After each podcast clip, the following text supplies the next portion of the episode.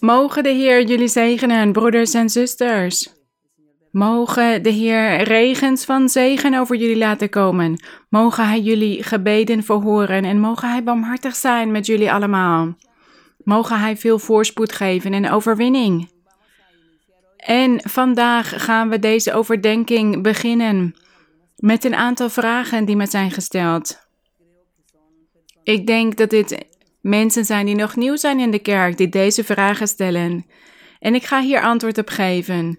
Zo wordt er bijvoorbeeld gevraagd of wij tiende moeten afdragen van een lening die we van de bank krijgen. Als we naar een bank gaan en wij vragen bijvoorbeeld om 20.000 euro van de bank, dan gaan wij hier geen tienden van afdragen over die 20.000, want die zijn van de bank. We moeten dat later teruggeven aan de bank. Dat is niet ons geld. Maar u kunt wel tienden afdragen van de winst die u maakt met die lening. Maar goed, als u die lening hebt afgesloten om een schuld af te betalen, dan neem ik aan dat van dat geld dat u had uitgegeven en wat een schuld is geworden, dat u daar de tienden al van had afgedragen. Dus u hebt nu een schuld en u gaat een lening afsluiten om die schuld terug te betalen, maar dan hebt u over dat geld al de tienden afgedragen. Maar als u dus een lening vraagt aan een bank om zaken te doen, draag dan alleen de tienden af van de winst.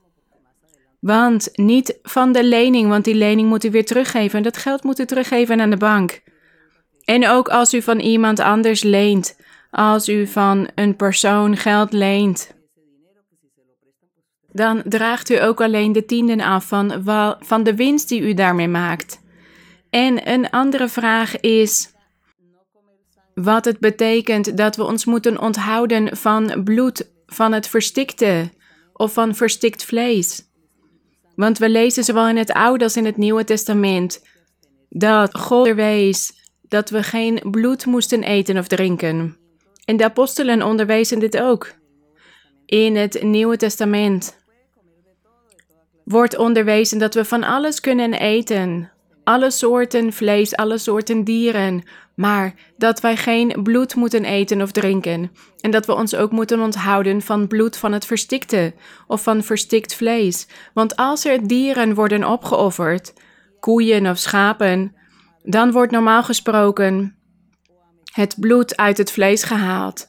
Maar er zijn mensen die dat bloed dan eruit halen en het daarna opdrinken, of hier ander voedsel van maken en het dan opeten. En God verbiedt dit. En we lezen ook dat we ons moeten onthouden van bloed van het verstikte. En wat is het verstikte? Dat is een dier dat verstikt is. Dus die is niet geofferd, opgeofferd op een normale manier, maar die is om een of andere reden overleden. Die is verstikt en daarom heeft hij geen wond waardoor het bloed naar buiten gaat uit zijn vlees. Dus dat dier overlijdt en het bloed zit nog in zijn vlees. En God heeft ons verboden om vlees te eten waar het bloed nog in zit. Dat is dus dat we ons moeten onthouden van bloed van het verstikte. Goed, en een andere vraag gaat over de dag van het Pinksterfeest. Hoe dit heette in de oudheid. In de oudheid werd een feest gevierd. Vijftig dagen achter elkaar werd er een feest gevierd en dit was het wekenfeest. Maar dit was niet een feest zoals we dat vandaag de dag kennen in steden en dorpen. Dit was een feest om God te eren, om God te loven en te prijzen. Vijftig dagen lang. En op de laatste dag deden ze dan iets speciaals. En dat was het wekenfeest, vijftig dagen lang. En de laatste dag werd de dag van het Pinksterfeest genoemd. En we lezen in Handelingen van de Apostelen dat toen de dag van het Pinksterfeest was aangebroken en de apostelen samen waren gekomen in de bovenzaal, en de discipelen en dat de Heilige Geest over hen allen neerdaalde. Dat was op de dag van het Pinksterfeest. Dat was de laatste dag van het wekenfeest in die tijd. Dat is de dag van het Pinksterfeest. Goed, en er is een andere vraag. Het gaat over als een persoon in een eredienst is, in de samenkomst, in de kerk, om God te loven. Of het dan verboden is of onjuist is om onze benen te kruisen. Laten we gedenken dat er ook vaak conferenties zijn of bepaalde gelegenheden in het dagelijks leven. En soms worden we daarvoor uitgenodigd. En esthetisch gezien ziet het er soms slecht uit als we met de benen gekruist zitten. Bijvoorbeeld een bepaald evenement van de universiteit of van een bedrijf. En dit wordt als iets onbeleefds gezien, esthetisch gezien. Dat dan iemand met de benen gekruist zit. Zowel mannen als vrouwen. Dit ziet er niet goed uit. Dus in de kerk, in de samenkomst, in de plek van samenkomst, als wij een dienst houden voor God, als wij God aan het loven zijn, of als wij naar een preek aan het luisteren zijn, naar een onderricht, dan horen wij ook ingetogen te zijn en juist te zitten, een goede houding te hebben. Want we zeggen dan, ja, dit is niet juist, dit is niet netjes om met de benen gekruist te zitten. Het lijkt dan net alsof wij geen aandacht hebben voor het onderricht, alsof we er niet geïnteresseerd in zijn. Wat we dan op dat moment aan het doen zijn. Dat we dat niet belangrijk vinden. Dus dat is het. We horen altijd op een beleefde manier ons te gedragen. Dit zijn regels van beleefdheid. Als iemand wordt uitgenodigd voor een feestmaaltijd en als we bijvoorbeeld belangrijke mensen om ons heen hebben, dan is er altijd een protocol hoe alles gedaan moet worden, hoe wij moeten eten, welk bestek wij eerst moeten gebruiken en daarna welk ander bestek. En wat er met de borden gedaan moet worden. Zo is dit ook met de benen kruisen. Het hangt af van waar we zijn, wat we aan het doen zijn. Wat zijn we aan het doen? En zo gedragen wij ons dan op een juiste manier, in overeenstemming met onze activiteiten. Dus laten we aandachtig zijn en zorgen dat alles er mooi uitziet. En dat wij God vereren in alles. Want hoe mooi is het als wij ook bijvoorbeeld onze ogen sluiten, als wij God aan het loven zijn, of als wij tot God aan het bidden zijn, of als we zingen tot God bijvoorbeeld. Want als we onze ogen open houden, dan laten we ons afleiden door alles, door de muren, schilderijen, het plafond of mensen om mij heen. Ik word dan afgeleid. Ook van het onderricht bijvoorbeeld. Dus soms is het mooi, bijvoorbeeld als we aan het bidden zijn, dat we dan onze ogen dicht doen zodat we ons kunnen concentreren op wat we aan het doen zijn. Dus dit heeft daar ook mee te maken. Het is erg te vergelijken met de benen kruisen en dat we dus ook onze ogen dicht doen als wij bidden. Er zijn mensen die ziek zijn, die een ziekte hebben in hun benen. En vanwege een bepaalde reden, een ziekte bijvoorbeeld, moeten zij met de benen gekruist zitten. Als dit zo is, ga dan op een plek zitten waar u niet door iedereen gezien wordt. Ergens achterin of in een hoekje, zodat u niet voor afleiding zorgt. Goed, alles kunnen we doen of niet doen, maar wij moeten wijs zijn in alles en logisch over alles nadenken. En niet overdreven zijn, niet extreem worden. Alles goed doen op een juiste manier zodat wij onszelf behagen en ook mensen om ons heen. Goed, ik hoop dat dit allemaal duidelijk is geweest. Deze antwoorden. En nu gaan wij tweede Thessalonicensen overdenken. Als u wellicht geen Bijbel bij u hebt, maakt u zich geen zorgen, luister dan naar de lezing. En als u wel de Bijbel hebt, laten we die dan openen in 2 Thessalonicensen, hoofdstuk 2. En we gaan vers 13 tot en met 17 lezen. Dit is de overdenking die wij gaan doen voor de eer en de glorie van onze God. Hier zegt de apostel Paulus tegen de kerk in Thessalonica. Hij geeft raad en hij onderwijst de geloofsleer, het woord van de Heer. En een goede manier van leven, van gedragen. En hij zegt hier, vers 13, maar wij moeten God altijd voor u danken, broeders. Dus hij zegt hier, wij als predikers, als apostelen, de dienaars van God. Dit is wat hij ook tegen de pastoor, tegen de herder in die tijd zei van de kerk van Thessalonica. Hij zei: Wij moeten God altijd voor u danken, broeders. Dus voor de broeders, voor de gelovigen, die geliefd zijn door de Here. Dat God u van het begin verkoren heeft tot zaligheid. Dus hier is een erkenning. En daarom wordt God gedankt. Want van het begin had Hij hen allen verkoren of uitgekozen, net zoals ons vandaag de dag. Iedereen die hier naar luistert, die is ook door God verkoren tot zaligheid. In heiliging door de Geest, dus de Heilige Geest, en geloof in de waarheid. In de waarheid van God of de waarheid van het Evangelie. Dus het werk is van de Heilige Geest. Door Hem zijn wij verkoren tot zaligheid. De Heilige Geest is het die het werk in ons verricht en Hij verbetert ons, Hij leidt ons, Hij onderwijst ons, Hij is onze leider, onze koning, ons alles. De Geest van de Heer doet dit prachtige werk in ons vandaag de dag. En daarom danken wij onze Heer. En daarom zullen wij altijd in onze gebeden blijven bidden tot God voor de Heilige Geest. Vers 14. Daartoe heeft Hij u geroepen door ons evangelie.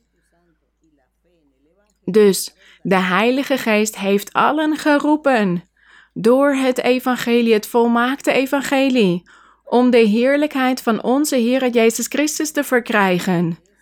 Dat is ons verlangen. Dat is onze wens, om de heerlijkheid van onze Heer te kunnen verkrijgen, om in Zijn heerlijkheid te mogen zijn, om van Hem te mogen genieten, ons in Hem te mogen verblijden, daar in de eeuwigheid. Dat is onze hoop. Vers 15. Sta dan vast, broeders, en houd u aan de overleveringen waarin u onderwezen bent, door ons woord of door onze brief. Dus hier zeggen de apostelen tegen de gelovigen dat ze vast moesten staan, standvastig moesten zijn. En dat ze onderwezen waren door hun woord en ook door hun brieven. Want in die tijd schreven ze brieven, de apostelen schreven brieven naar de verschillende kerken. Om de geloofsleer die God aan het openbaren was uit te leggen. Wat moeilijk in die tijd. Die manier van evangeliseren. Vandaag de dag is het zo gemakkelijk dankzij alle technologieën. Want op dit moment kan ik tot jullie allemaal spreken. Jullie over de hele wereld kunnen naar mij luisteren op dit moment. Iedereen die verbonden met ons is. Dat is zo gemakkelijk. Dus wij hebben geen enkele rechtvaardiging voor God. Als wij zijn weg niet volgen. Wij kunnen ons niet rechtvaardigen en zeggen: Heer, het was zo moeilijk om uw woord te horen. Niemand heeft mij onderwezen. Ik heb uw woord nergens kunnen vinden. Nee, wij hebben het vandaag zo makkelijk om het woord van de Heer te kunnen vinden. En daar danken wij Hem voor. Want de prediking, de verkondiging van zijn woord is zo makkelijk geworden. Vers 16. En onze Heere Jezus Christus zelf en onze God en Vader, die ons heeft liefgehad en ons een eeuwige troost en goede hoop gegeven heeft uit genade, mogen uw harten vertroosten en u in elk goed woord en werk versterken. Dus de Heilige Geest, versterkt het woord in ons hart. Zo gebeurt dit, zoals de apostel aan de Heer vroeg. Vandaag ook. Wij maken deze pandemie mee, maar wij zijn tot God aan het bidden om dit binnenkort op te laten houden, zodat we weer samen kunnen komen. Zodat we de kerken weer kunnen openen. Want hier staat in vers 17: Mogen uw harten vertroosten en u in elk goed woord en werk versterken. En hoe doet God dit vandaag de dag? Door de geestelijke gaven, door de gaven van profetie. En in deze tijd van pandemie zijn er vele broeders en zusters bezocht door God, door dromen, door visioenen, door profetieën. Maar er zijn ook andere broeders en zusters die deze gaven nog niet hebben ontvangen. Dus daarom vragen wij God om barmhartigheid. Zodat we snel de kerken weer kunnen openen en dat iedereen profetie kan ontvangen en handoplegging. Zodat we God weer kunnen dienen met zijn geestelijke gaven. Want wij missen dit. Mogen God jullie zegenen. Mogen God bij jullie zijn. Ga door. Bezwijk niet. Raak niet ontmoedigd. Word niet lui. Maar ga juist dapper voor. Voorwaarts. Op deze prachtige weg, want het is beter om met God te wandelen, met Christus te wandelen, dan in de wereld te zijn. In het wereldsgenot dat ons geen vrede en ook geen eeuwige verlossing zal geven. Dus bezwijk niet, verlies de moed niet. Laten we doorgaan met veel dapperheid. En laten we gaan bidden tot onze Heer. Gezegende Hemelse Vader, gezegend zij uw naam tot in alle eeuwigheid. Wij danken u, Hemelse Vader, voor uw barmhartigheid. Wij danken u voor uw liefde, voor uw heilige woord, voor uw prachtige beloften. Wij danken u voor uw barmhartigheid. En omdat u wonderen en tekenen hebt verricht in velen. U hebt vele genezingen gedaan. En vandaag vragen wij u ook om tekenen en wonderen te doen. Want er zijn nog vele mannen en vrouwen, ouderen en kinderen die ziek zijn. Sommigen in het ziekenhuis, anderen liggen thuis op bed. En sommigen zijn erg ziek, dus ik vraag u om uw hand uit te strekken en te genezen en te bevrijden. Verhoor de gebeden van iedereen en bevrijd iedereen, mijn Heer. En er zijn ook velen die vastgebonden zijn door de duivel, door hekserijen, door vervloekingen. Bevrijd hen, mijn Heer. Strek uw krachtige hand uit en genees en bevrijd. En bestraf deze onreine geesten en breek de ketens. Verbreek die duivelse strikken, mijn Heer. Reinig, zuiver, mijn Heer. En verricht wonderen in het leven van iedereen. En er zijn ook velen die om materiële zegeningen vragen, vanwege schulden, vanwege gebrek aan werk. Voorzie in alles, mijn Heer. Geef iedereen zijn voedsel, zijn kleding, zijn woning, alles wat ze nodig hebben. En er zijn velen die schulden hebben. Help iedereen en bevrijd zegen. En verhoor de gebeden, mijn Heer, wees barmhartig in de heerlijke naam van uw geliefde Zoon, de Heer Jezus Christus. Amen. De glorie en de eer zij aan u, van nu aan tot in alle eeuwigheid. Wij danken onze Heer. En wij gaan koor 105 zingen. Alleen de kracht van God. Koor 105. Alleen de kracht van God. Laten we gaan zingen tot de Heer. Alleen de kracht van God kan het hart veranderen. Ik heb het zelf beleefd. Een nieuw hart gaf hij mij. Gelukkig is mijn ziel. De Heere dien. Ik ben een nieuw schepsel nu. Voor mijn Heer. Alleen de kracht van God kan het hart